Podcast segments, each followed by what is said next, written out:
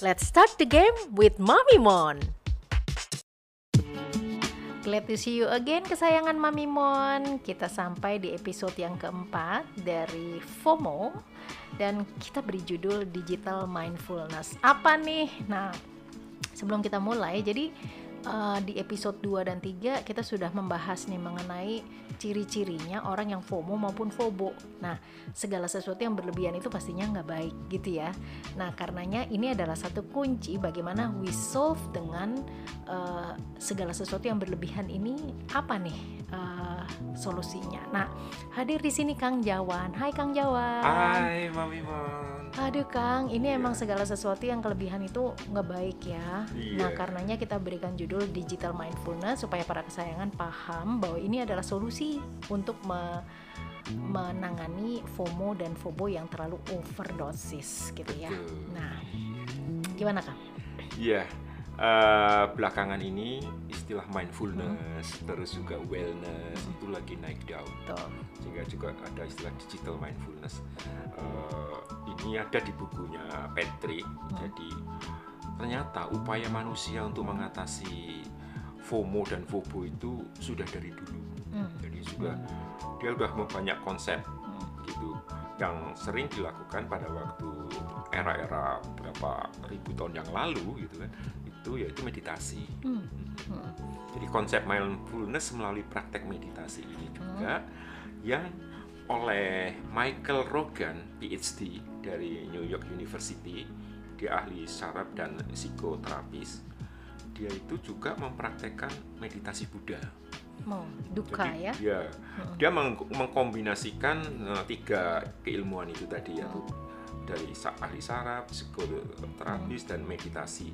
Lebih dari 40 tahun dia mendalami eh, praktek meditasi. Dan meditasi Buddha ini memang ternyata metodenya itu sejak berdirinya, sejak mulai dicetuskannya 500 sebelum Masehi sampai sekarang itu prakteknya tidak beda Hmm. jadi tetap konsisten. Nah, mengapa gitu kan? Karena memang eh, rasa cemas dan rasa stres orang sejak zaman dulu itu ya tetap ada.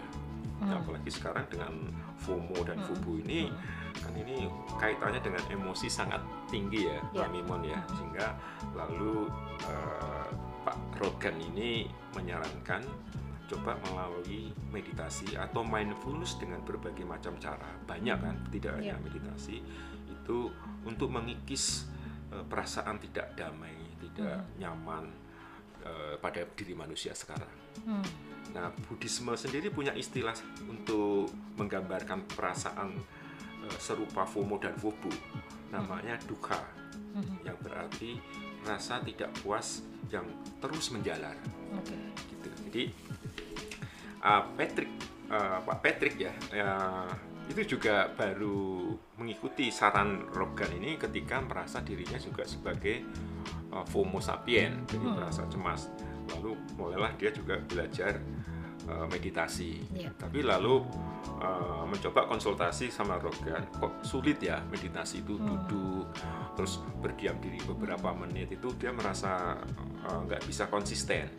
Nah, Rogan juga menyarankan bahwa mindfulness Hmm. itu tidak harus duduk, Betul. tidak harus bermenit-menit diam gitu, diam diri tidak bisa dilakukan dengan berbagai macam cara, misalnya me- menikmati ketika mandi, Hmm. merasakan keberadaan ketika kita sedang jalan-jalan di taman atau sedang olahraga, Jadi, merasakan gitu. Uh, kalau saya mengartikan meditasi itu atau mindfulness itu sebagai hadir di sini kini gitu ya Iya. jadi uh, ketika misalnya sekarang saya sedang ada uh, perbincangan dengan Kang Jawan ya sepenuhnya saya hadir di sini gitu ya kan Mindfulness ya. Uh, uh, itu. jadi sebetulnya mindfulness itu adalah sama dengan fokus Betul. gitu ya Iya. dan fokus artinya kita hadir di sini Mm-mm. dalam satuan yang sangat kecil banget gitu Iya, ya kan nah iya. Eh, jadi kalau eh, kita mau mindful maka kalau ini kan disebut dengan digital mindfulness. Jadi bagaimana kita mengeliminasi digital distraction Ah. gitu dan juga intera- interupsi gitu ya. Nah karena eh, contohnya ya Kang gitu. Kalau misalnya sekarang sebentar aja telolet gitu ada adalah satu platform belanja yang menawarkan sesuatu pakai bunyi nah Hmm. itu kalau saya udah langsung dibikin unmute supaya ketika saya lagi fokus saya juga nggak langsung ih itu kan emang bener-bener hypnotic banget kan betul gitu pengennya ngeliat gitu oh Betul. ternyata ada sale ada ini dan Iya. sebagainya nah kalau itu sih saya otomatis sudah saya matikan nih kang Iya. gitu itu tantangan Heeh. ya. terus juga gini eh, mindfulness itu kadang-kadang kita beli atau kita dikirimin sesuatu gitu ya nah ini terutama juga untuk teman-teman yang pada lagi isoman misalnya waktu itu gitu. Saya saya mendengar dari banyak teman-teman dan saudara yang lagi isoman bahwa sehari itu mereka terima paket begitu banyak. Mm, itu sebetulnya bagus sih sebagai tanda mm, eh, empati gitu ya Kang. Hmm. Tetapi sehari manage sampai 32 eh, paket yang datang ya walaupun anggota keluarga lain, tapi kalau dia pun senuman sendiri lagi isoman tuh betapa itu memberatkan banget mm, gitu ya. mm, mm, mm. Nah jadi supaya mereka nggak bisa istirahat pun juga sebentar paket gitu kan. iya Nah itu mengganggu banget gitu. Iya, That's iya, why uh, kalau saya sih menyikapi bahwa karena saya paham uh, apa concern banget bahwa kita itu perlu mindful makanya kalau ada yang uh, lagi isoman atau apa saya tanyakan dulu if you need something call me ya gitu karena aku tahu Hmm. dikirimin sesuatu juga berat dan juga terlalu banyak dan overload gitu Iya. sementara abis itu juga nggak mau dimakan oleh yang lain oke saya uh, ngomongnya jadi merambat ke sana tetapi bahwa digital mindfulness itu memang eh, sesuatu yang harus sudah kita sadari dan harus kita upayakan sekarang ini gitu ya. Nah eh, jadi sebetulnya being mindful eh, being mindful being digitally mindful itu kalau menurut saya adalah bagaimana kita taking a moment untuk pause dan pay attention to what we think and what we feel. Iya ya jadi fokus nah. Ha-ha, di- kita fokus kepada kita lagi mikirin apa dan apa yang lagi kita rasakan. Mm, mm, gitu. Karena kalau enggak kita masuk ke dalam jebakan rutinitas si digital tadi mm, mm. gitu. Nah eh, kalau saya nih sharing pengalaman gitu ya eh, saya kasih beberapa tips untuk eh, u- eh, untuk menggunakan teknologi untuk membuat kita menjadi mindful. Jadi bukannya kita masuk ke dalam pusarannya teknologi tetapi menggunakan teknologi untuk kita menjadi mindful Nah, contohnya kalau saya pakai aplikasi untuk nulis to-do list, Hmm. ya kan. Setiap saya ingat sesuatu, saya tulis di situ. Kalau udah saya centangin, gitu ya, Kang. Itu aplikasinya banyak banget. Betul. Dan juga eh, ketika gini, Kang, kita tidur malam, kita tuh nggak nyenyak, Hmm. gitu. Nah, ini tips dari seorang CEO yang pernah saya wawancarai. Dia bilang, kalau apa pun yang muncul ketika kamu eh, berasa bahwa kadang-kadang gini, besok aku mau ngomong sama si ini perihal ini, ini Hmm. belum selesai, Hmm. gitu. Nah, kalau kita mau WhatsApp ke tim kita, itu kan ganggu malam. Iya. Nah, kalau saya saya tulis dulu di Tulis notes dulu. gitu. Iya, iya. Nah, eh, kalau sekarang udah pakai gadget, jadi gunakan aja itu di situ gitu. Jadi WhatsApp apa yang mau saya sampaikan ke dia sudah saya sudah saya tulis dulu di notes sehingga besok tinggal terkirim Iya. gitu. Nah, itu juga sangat kita menggunakan teknologi untuk menyelesaikan masalah kita gitu ya. Nah, nah itu tadi eh, apa eh, beberapa tips juga. Eh, terus juga hmm, stick eh, jadi gini, bagaimana kita menggunakan eh, suara dan juga gambar untuk meningkatkan mindfulness kita Hmm. gitu. Nah kalau saya lagi pengen mindful itu saya ambil dari Spotify eh, lagu-lagu yang kayak di cafe Oh, oke. yang itu cuman instrumental doang. Nah maka saya Iya. masuk ke dalam state of Iya. mindful mengerjakan sesuatu gitu ya. Iya, iya, Terus juga pakai biasalah pakai alarm dan sebagainya gitu ya. iya. Terus juga untuk eh, ada eh, apa penawaran-penawaran yang masuk lewat WhatsApp ya kalau menurut saya eh, itu nggak penting maka saya langsung mute aja Mm-mm. for the good ini eh, apa long term gitu ya.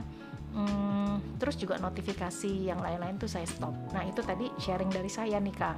Iya. Uh, saya menggunakan digital mindfulness dengan jadi menggunakan digital untuk membantu saya mindful, Betul. bukan mengguna digital membuat saya menjadi tidak mindful gitu. Betul. Jadi memang banyak sekali seperti tadi juga di sini diceritakan oleh Pak Patrick eh, aplikasi-aplikasi yang membawa kita untuk membangun suatu mindfulness Hmm. ya. baik itu yang sifatnya kayak meditasi gitu kan itu sudah jelas banyak ya kan metode-metodenya Hmm. musiknya dan lain sebagainya terus aplikasi yang untuk share dengan teman-temannya atau komunitasnya supaya bisa saling mengingatkan jadi Hmm. ada eh, kayak apa banyak tuh contoh-contohnya saya Hmm. lupa ada yang eh, setiap kali kita melakukan itu eh, direkam atau nanti di share dengan teman yang membentuk satu tim untuk Hmm. supaya kita konsisten menjalaninya, membangun suatu habit.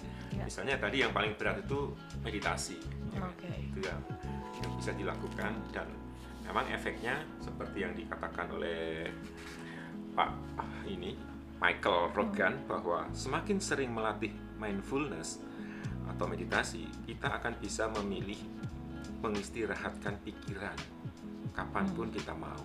Kita memegang kuasa dalam hidup dan bisa memilih tujuan perhatian kita. Jadi Ya.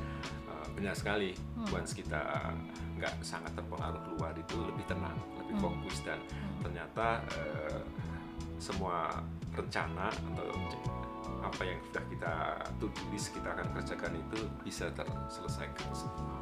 Gitu. Oke, nah itu tadi eh, adalah di episode keempat ini kita bahas mengenai bagaimana sih eh, mengatasi FOMO dan FOBO ya. Jawabannya adalah dengan si digital mindfulness itu. Nah, ini tadi yang keempat ya Kang. Iya. Kita masih punya satu episode Betul, lagi, jadi semuanya siap-siap dan jangan berhenti sampai di episode yang keempat aja kan. Yang kelima ini bagaimana menggunakan FOMO eh, seseorang untuk sesuatu yang lebih FOMO dan FOBO ya untuk Iya. sesuatu yang lebih powerful lagi gitu ya.